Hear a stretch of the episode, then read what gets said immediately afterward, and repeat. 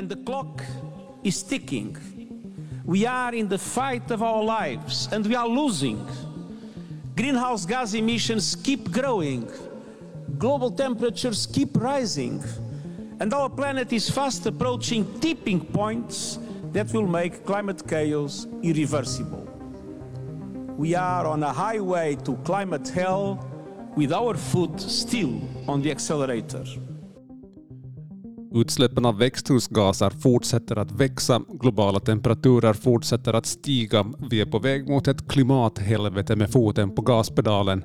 Mänskligheten har ett val, samarbeta eller gå under. Så lät det då generalsekreteraren för FN Antonio Guterres inledde klimatmötet COP27 i Sharm el-Sheikh. Det viktigaste målet med klimatmötet i Sharm el-Sheikh är att hålla målet på 1,5 grader inom räckhåll. För så som det ser ut nu då man tittar på ländernas nuvarande åtaganden så kommer temperaturen på jorden att stiga med cirka 2,4 till 2,6 grader och vi ska lägga bakom örat att det här är den globala temperaturökningen. För Finlands del kommer det här att vara mycket högre.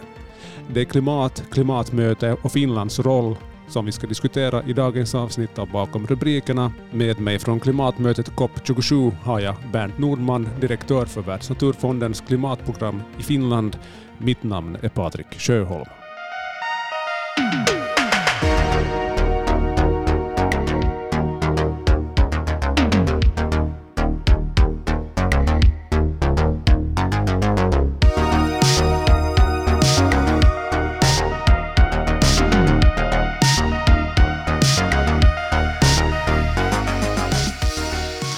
Går rakt på sak. Bakom oss så har vi nu ännu ett år med nya värmerekord runt om i världen och utsläppsmängderna har fortsatt att öka. FNs generalsekreterare Antonio Guterres öppnade klimatmötet du är på med att säga att vi är på väg mot ett klimathelvete med foten på gaspedalen om inte världens ledare agerar genast. Är man lagd åt lite det mer pessimistiska hållet så vilar det ju helt orimliga, obegripligt stora förväntningar på mötet du närvarar på de är ju i princip helt realistiska, de, de här målsättningarna. Alltså det, det, det, är oerhört viktigt att världens länder skulle komma överens om vägen framåt. Eh, den stora utmaningen är ju alltså att det här faktiskt då är alla världens länder som sitter kring samma bord eller sitter i samma mötesrum och, och enligt FNs principer så, så försöker man ju alltid komma till konsensus och det betyder att det är endast den minsta gemensamma nämnaren är, är, möjlig här eh, och, och, och det där eh, nu ser vi i år igen att länderna, eh, länderna har, har väldigt olika perspektiv på, på den här klimatkrisen och, och det gör mig ju nog lite bekymrad. Och, så där, det är nästan en understatement, men, men det där mm. uh, skillnaden mellan den här så att säga, krismedvetenheten på forskarnivå och ska vi säga på opinionsledarnivå som typ FNs generalsekreterare och sen det som sker inne i förhandlingsrummen. Alltså den, är nog, den, den är nog oerhört stor nu. Ja. Var finns de där största meningsskiljaktigheterna som du ser det? Det, ska säga, det bottnar ju i den här traditionella tudelningen äh, mellan de, de så kallade utvecklingsländerna och de så kallade industriella länderna. Och, och, och det där, där, där så att säga en, en del av ska säga, de utvecklingsländerna ju deras utgångspunkt är att det är industriländerna som har, har, har, har förorsakat klimatkrisen och, och därmed är det de som ska ska betala notan. Mm. Och så har vi så att säga de industrialiserade länderna som, som då vi, vi nu är beredda att, uh, att betona uh, ytterligare utsläppsminskningar medan då så att säga de uh, utvecklingsländerna generellt sett och särskilt vissa grupper, framförallt OPEC-länderna, alltså oljeproducerande länderna, så de, de så att säga hänvisar till att eftersom de industrialiserade länderna har har ha, ha det där kunnat i, i 100-150 år utveckla sina samhällen med fossila bränslen, så nu är det vår tur att göra det. Ja. Och, och, och, det här, så att säga, de här två huvudperspektiven så är, är väldigt svåra att, att, att sammanföra här. Ja. Nå, finns det något litet frö till att kunna uppnå någon slags gemensam vilja, gemensam liksom, mål? Ja, eh, nu, nu, finns här ju ingredienser för en, en kompromiss igen och jag tror att ett, en väldigt viktig komponent så är den här nya Uh, loss and damage uh, facility-diskussionen. Alltså det handlar om att, att um, vi behöver en, en ny finansieringsmekanism uh, för, för, för de, de skador och förluster som har förorsakats av eh, klimatförändringen. Den här frågan har, har, har är väldigt starkt på tapeten nu, framför allt de här eh, enorma översvämningarna i Pakistan som ju är då, så att säga, går att koppla till, eh, till klimatförändringen. Vi har extrem torka i vissa delar av världen, vi har, har, har skogsbränder som också är, är, har en tydlig koppling till klimatförändringen. Så den här, det här är så att säga en ny fråga eh, som, som blir allt mer och mer akut och, och, och, och därefter sen finansieringen i fokus. Och, och det, där, eh, det finns nog en, en viss förståelse också bland, bland de långtidsindustrialiserade länderna att, att den, här, den här nya mekanismen behövs och det är någonting som, som framför allt förstås de här äh, äh, östaterna och, och, och de, de, de, de, de, de, de, de fattigaste länderna så att säga har, har, har krävt äh, äh, väldigt starkt här. Och det där. Så jag, jag, jag, tror att, jag tror att det, det, är liksom en, sån här, en, en ny komponent som, som nog kommer jag tror att vi kommer att se ett beslut om, om den här så kallade loss and damage facility, alltså en ny finansieringsmekanism för det här. Okej, okay, precis. Um, jag funderar mycket på det här på sistone, men till exempel förra veckan så kom det ju då uppgifter om att oktober månad det var den varmaste som någonsin uppmätts i Europa. Och, och med, med pågående krig i Ukraina så finns det, som, så som jag upplever det, finns två dimensioner då man tar del av sådana här uppgifter. Att I nuläget så känns det som att dels finns det en liten gnutta av det som är positivt för att energin är dyr för tillfället. Men ur ett klimatsynvinkel så är det ju katastrofalt. Hur ska man resonera i dessa tider då man hör sådana här uppgifter? Ja, no, kanske jag ändå vill börja med det att de här enstaka eh, fenomenen, en månad eh, med, med en extrem ett extremt klimatfenomen eller, eller ett fenomen, en storm eller en, en torka, så, så är ju förstås alltså ännu inte eh, man ska säga på det sättet avgörande. Det, det, är en, en, det visar åt vilket håll eh, klimatet är, är, på väg att utvecklas. Eh, men, men till hela den här, så att säga, till vårt klimatsystem hör ju att, att, att, att det finns så att säga, det finns Eh, enskilda fenomen och sen finns det de här långsiktiga eh, medeltalen. Om vi tar till exempel den här 1,5 graders målet, alltså då talar vi ju faktiskt också om, om en med, den globala medeltemperaturen. Ja. Bara som ett exempel här, alltså så, menar, så Finland i Nordeuropa så, så kommer ju att, att, att, att uppleva betydligt högre medeltemperatur i en värld där den globala medeltemperaturen är 1,5 grader.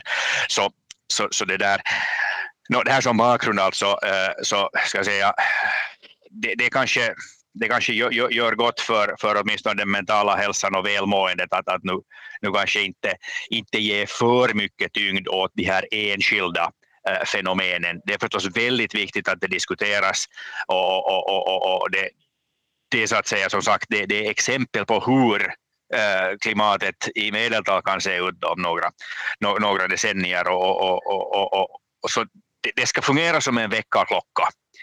Uh, eh, och, och, och, det där, och det är väldigt viktigt att vi diskuterar de här, uh, de här fenomenen och, och, och, och men förstås så att säga så, så är det lika viktigt att alltid så att säga, gå tillbaka till grunden. Vad, vad, vad, vad är, är kärnan i, i, i klimatkrisen? Och det är ju ändå användningen av fossila bränslen. Så, så, så, så att säga det som mitt, mitt råd till dig och andra som grubblar så är ju att det, det, det borde då så att säga trigga diskussion om, om vad kan vi ytterligare göra här för att minska fossila bränslen och, och det där minska skogsskövling och så vidare. Och, och, och samtidigt förstås äh, äh, skapa en politisk debatt i samhället som, som gör att politikerna får kurage att sen när de samlas en gång per år till dessa klimattoppmöten för att, för, för att då så att säga mejsla fram kompromisserna, att faktiskt de här kompromisserna kan vara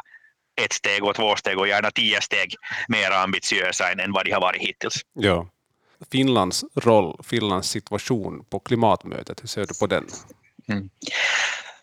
Uh, traditionellt sett har ju Finland nog haft en väldigt undanskymd roll. Uh, på de här klimatmötena. Eh, det finns flera orsaker eller flera bakgrunder. För det första är ju Finland så att säga en del av det stora EU-förhandlingsgruppen. Eh, eh, Finland håller ytterst sällan så att säga egna anföranden här. Det är ungefär stats, stats ledarna i år var det då statsminister Sanna Marin som höll ett tal här, men i övrigt så, så är Finland en del av den stora EU, EU-gruppen. Eh, Finlands bidrag också till klimatfinansieringen är ju väldigt anspråkslös. Till exempel genom, i jämförelse med, med de nordiska länderna så ligger Finland långt efter. Um, men eh, i vissa särskilda frågor så har ju nog Finland uh, eh, på senare tid profilera sig. Och det gäller ju framförallt kanske finansieringen och framförallt finansiering för, för klimatanpassning, eh, det här adaptation eh, helheten. Och jag tycker att det är en, en, en, en bra uh, tyngdpunkt och, och, och det där Finland har nog dragit sitt lilla strå till stacken och så finns det ju enstaka finländska förhandlare nog som har nyckelpositioner i, i EU-teamet. Så det där, nog, nog kan man se lite, lite spår av, av, av, av finländska gärningar här också. Ja, precis. Om jag har förstått saken rätt och följt med rapporteringen lite så både hemma, här hemma och där i Sharm el-Sheikh så, så väcker skogen uppmärksamhet. Skogen väcker nog uppmärksamhet och, och med, med, eh, med rätt alltså. Skogarna har ju en oerhört viktig roll uh, som, som, som också som kolsänkor och kollager. Uh, skogsskövlingen är en av de stora uh, processerna som, som, som påskyndar klimatförändringen. Uh, och, och det där.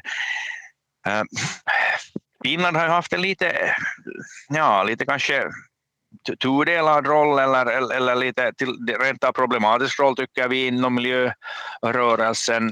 Finland har en tendens att, att, att, eh, att föra fram det finländska skogsbruket som, som väldigt exemplariskt eh, och, och, och då ska säga det här, då glömmer man nog att, att, att både Finlands kolsänkor i skogarna för tillfället eh, är på, på, på på tillbakagång så att säga. Vi har stora problem i, i, i kolsänkorna i Finland för tillfället och dessutom så mår ju skogsnaturens biologiska mångfald inte alls bra. Indikatorerna är, blinkar illrött både när det gäller skogslevande arter och, och skogsnaturtyper.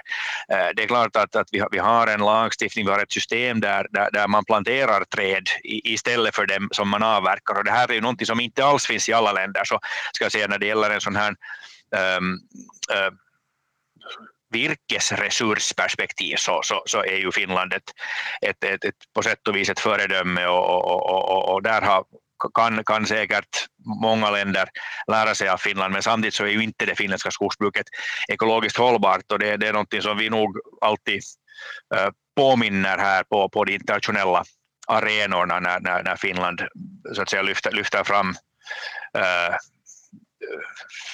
sig som, som, ett, som ett exempelland. Och nu har vi det här nya, vi har igen i år en ny sån här deklaration, uh, Forest and Climate Leaders Partnership, ja. uh, där, där, där Finland, Finland nu då uh, är med på ett, på ett hörn. Och, och det där vi hoppas ju nog verkligen att, att det här också leder till någonting, någonting konkret det tenderar förstås vara så att de här deklarationerna får mycket uppmärksamhet och, och många länder är med om gärna att ge, ge allmänna löften och, och, så vidare men sen när det kommer till, till kritan och konkreta åtgärder så, så det där, kan det vara lite tunt. Så uppföljning, uppföljning, uppföljning också av de här initiativen. Ja, ja precis.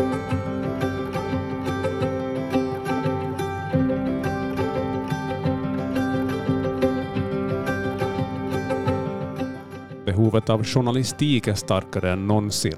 Vi här på Vasabladet gör vårt bästa varje dag för att du ska kunna ta del av det som händer lokalt, regionalt, nationellt och internationellt. Att prenumerera på Vasabladet är det bästa sättet att stödja vårt arbete så att vi kan fortsätta bevaka händelser och skeenden i samhället. Vasabladets nyheter hittar du bland annat i Vasabladets nyhetsapp och på vasabladet.fi. Följ oss gärna på sociala medier, på Instagram, Facebook och Twitter. Tack för att just du stödjer vår journalistik. Nu har du som lyssnar och inte är prenumerant möjlighet att prova på Vasabladet en månad för endast en euro. Det ger dig tillgång till allt innehåll på nyhetssajt och i VBL-appen. Allt du behöver göra är att söka dig till vbl.fi podd. Tack för att du lyssnar på Bakom rubrikerna.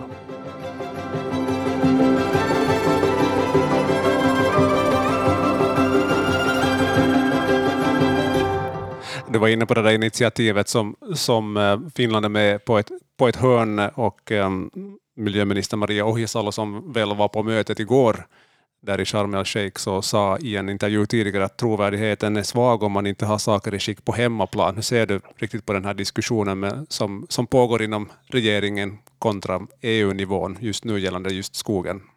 Det är en uh, oerhört viktig fråga. Uh, riktigt nyligen kom ju, det var förra veckan visst som också vi fick besked om, om, om kompromiss, den slutliga kompromissen gällande den här LULUCF-förordningen, alltså den eh, markanvändningssektorns europeiska nya, nya ramverk, som ju också kommer att ställa hårda krav också på Finlands sko, sko, skogliga kolsänkor.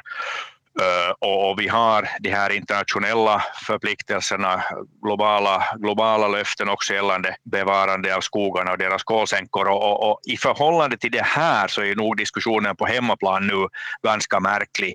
Och, och, det där, eh, jag tycker ju att regeringen inte har en tillräcklig krismedvetenhet gällande just eh, markanvändningssektorns kolsänkor.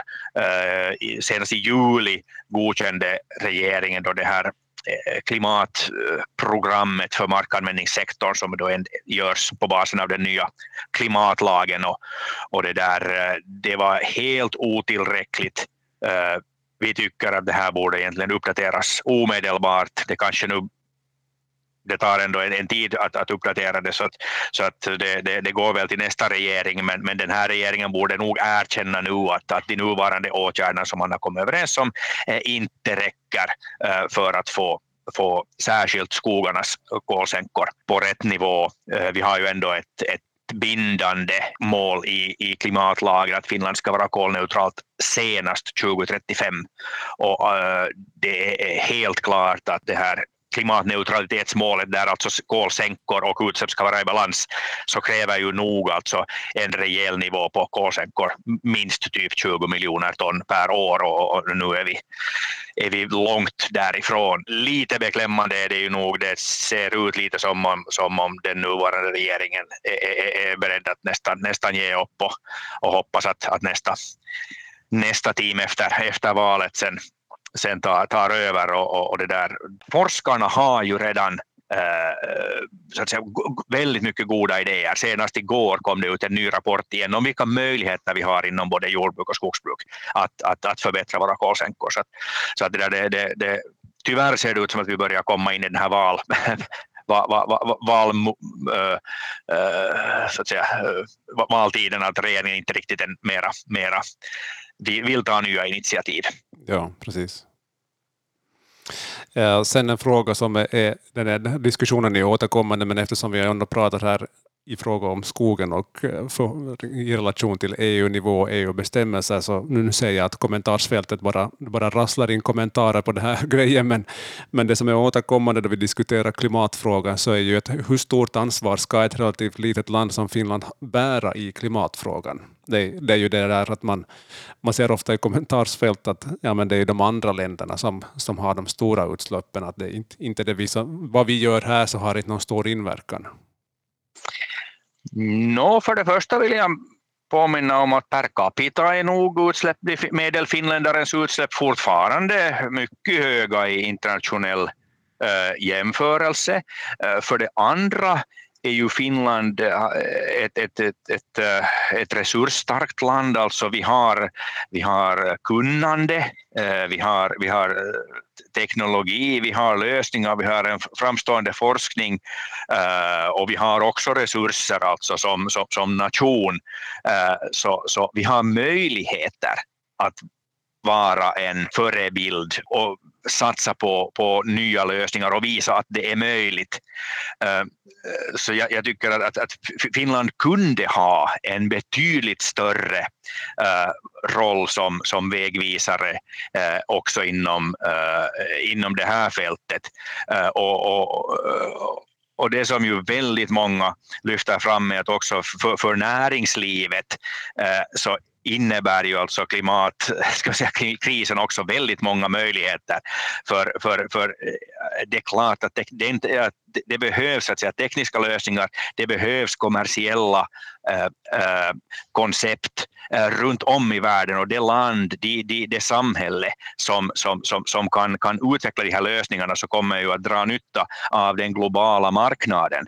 Eh, så, så jag ser nog betydligt mera möjligheter här än, än på sätt och vis hot. Det finns, det finns ingen orsak varför Finland skulle, skulle, skulle så att säga dra i handbromsen själv och vänta på att andra agerar. Och förstås, i och med att, som jag nämnde, Finland är, är, är här i, i vår geografiska position i, i det där norra äh, långt norrut så, så vi kommer ju nog också att drabbas väldigt hårt av klimatkrisen Eh, om vi inte eh, lyckas, lyckas bromsa den här utvecklingen. Ja.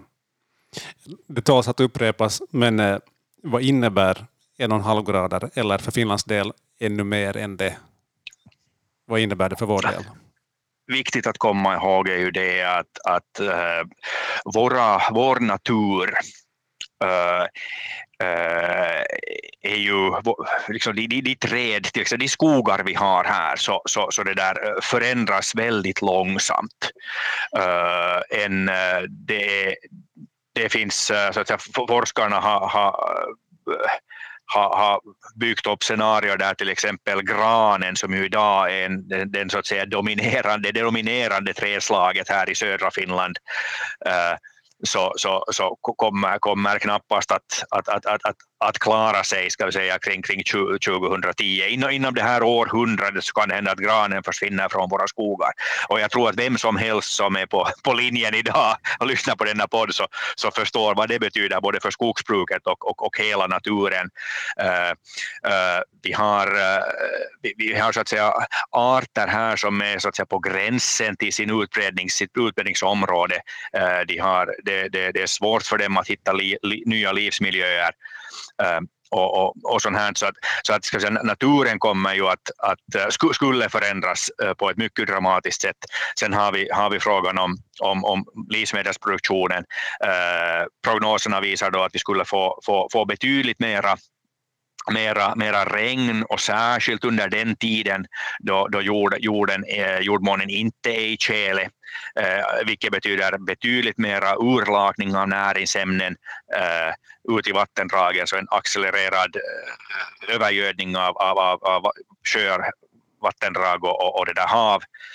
Uh, vi, vi, skulle, uh, vi, vi har extremfenomen som, som, som stormar, uh, som, som är ett stort eventuellt översvämningar, om det hällregn, vilket gör, som, som gör igen att infrastrukturen, allt från våra elkablar till, till, till äh, trafikinfrastrukturen äh, tar skada. Äh, och, och, så att det, det, så att säga, det, också det här, vi, vi har en, ett nationellt också program för klimatanpassning i Finland. Också det görs på basen av den här nya klimatlagen som, som, som eh, riksdagen nyligen godkände. Eh, de här scenarierna finns beskrivna där och det finns eh, preliminära uträkningar också över, över, över kostnaderna för, för klimatanpassning och, och, det börjar, börjar närma sig hisnande summor.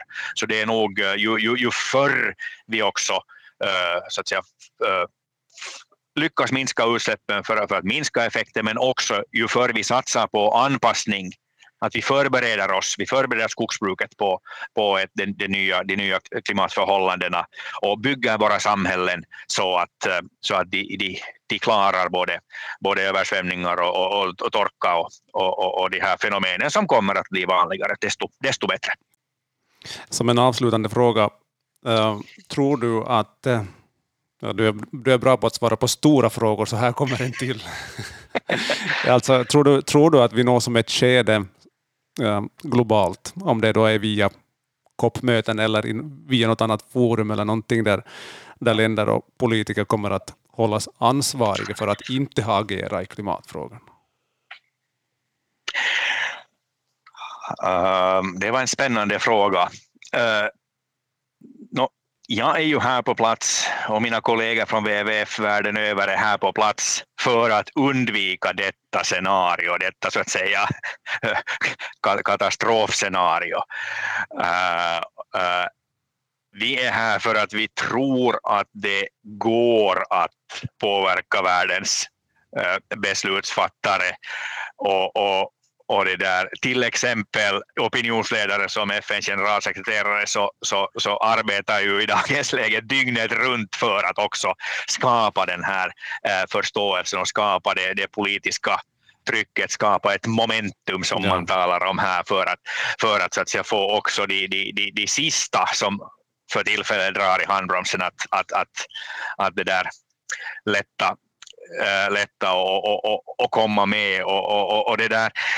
Äh, så jag, jag tror alltså att vi inte att vi inte kommer att se den här situationen äh, då så att säga ja, en, en, med juridiska termer så att säga beslutsfattare ställs, in, in, ställs till svar för, för, för icke-agerande. Men, men det där, dessvärre så kommer ju nog alltså väldigt många människor och en stor del av naturen att, att drabbas väldigt hårt av klimatförändringen. Äh, även om vi skulle minska alla utsläpp idag, vilket ju inte kommer att ske, men även om vi skulle minska så att säga väldigt drastiskt över en natt, så, så kommer ju den här så att säga, negativa utvecklingen ändå att fortgå i några decennier. Det tar tid för klimatsystemet att hitta den nya balanspunkten. Um, Eh, men, men det där, jag tror ju nog att den här så att säga, negativa approachen, jag förstår din fråga, men den negativa approachen, hotbilden, så är ändå uh, så att säga ett, en, en, uh, en, en, en eh, ändå en svagare kraft än den här, de, de möjligheter som finns och allt det som vi som, som uh, den insikten om, om allt det värdefulla som vi, som vi borde bevara, både när det gäller mänsklig kultur och, och naturens mångfald. Eh, jag tror nog att den här drivkraften finns, den större drivkraften finns i, i de här så att säga positiva scenarierna, åtminstone är det nog det som, som, som jag upplever här på, på koppen. Och, och kanske jag ändå vill säga det att det, på eh, klimatmöten här, så det är ju två delar. Vi har dels eh, länderna som förhandlar, men sen har vi ju så att vi har eh, industrin, näringslivet, forskningen, medborgarsamhället som också ju så att säga samlas här till en jättemässa. Och visst är den här så att säga driven här på det här mässområdet alldeles fantastisk och mycket inspirerande. Så att, så att jag är nog fortfarande en, en obotlig optimist.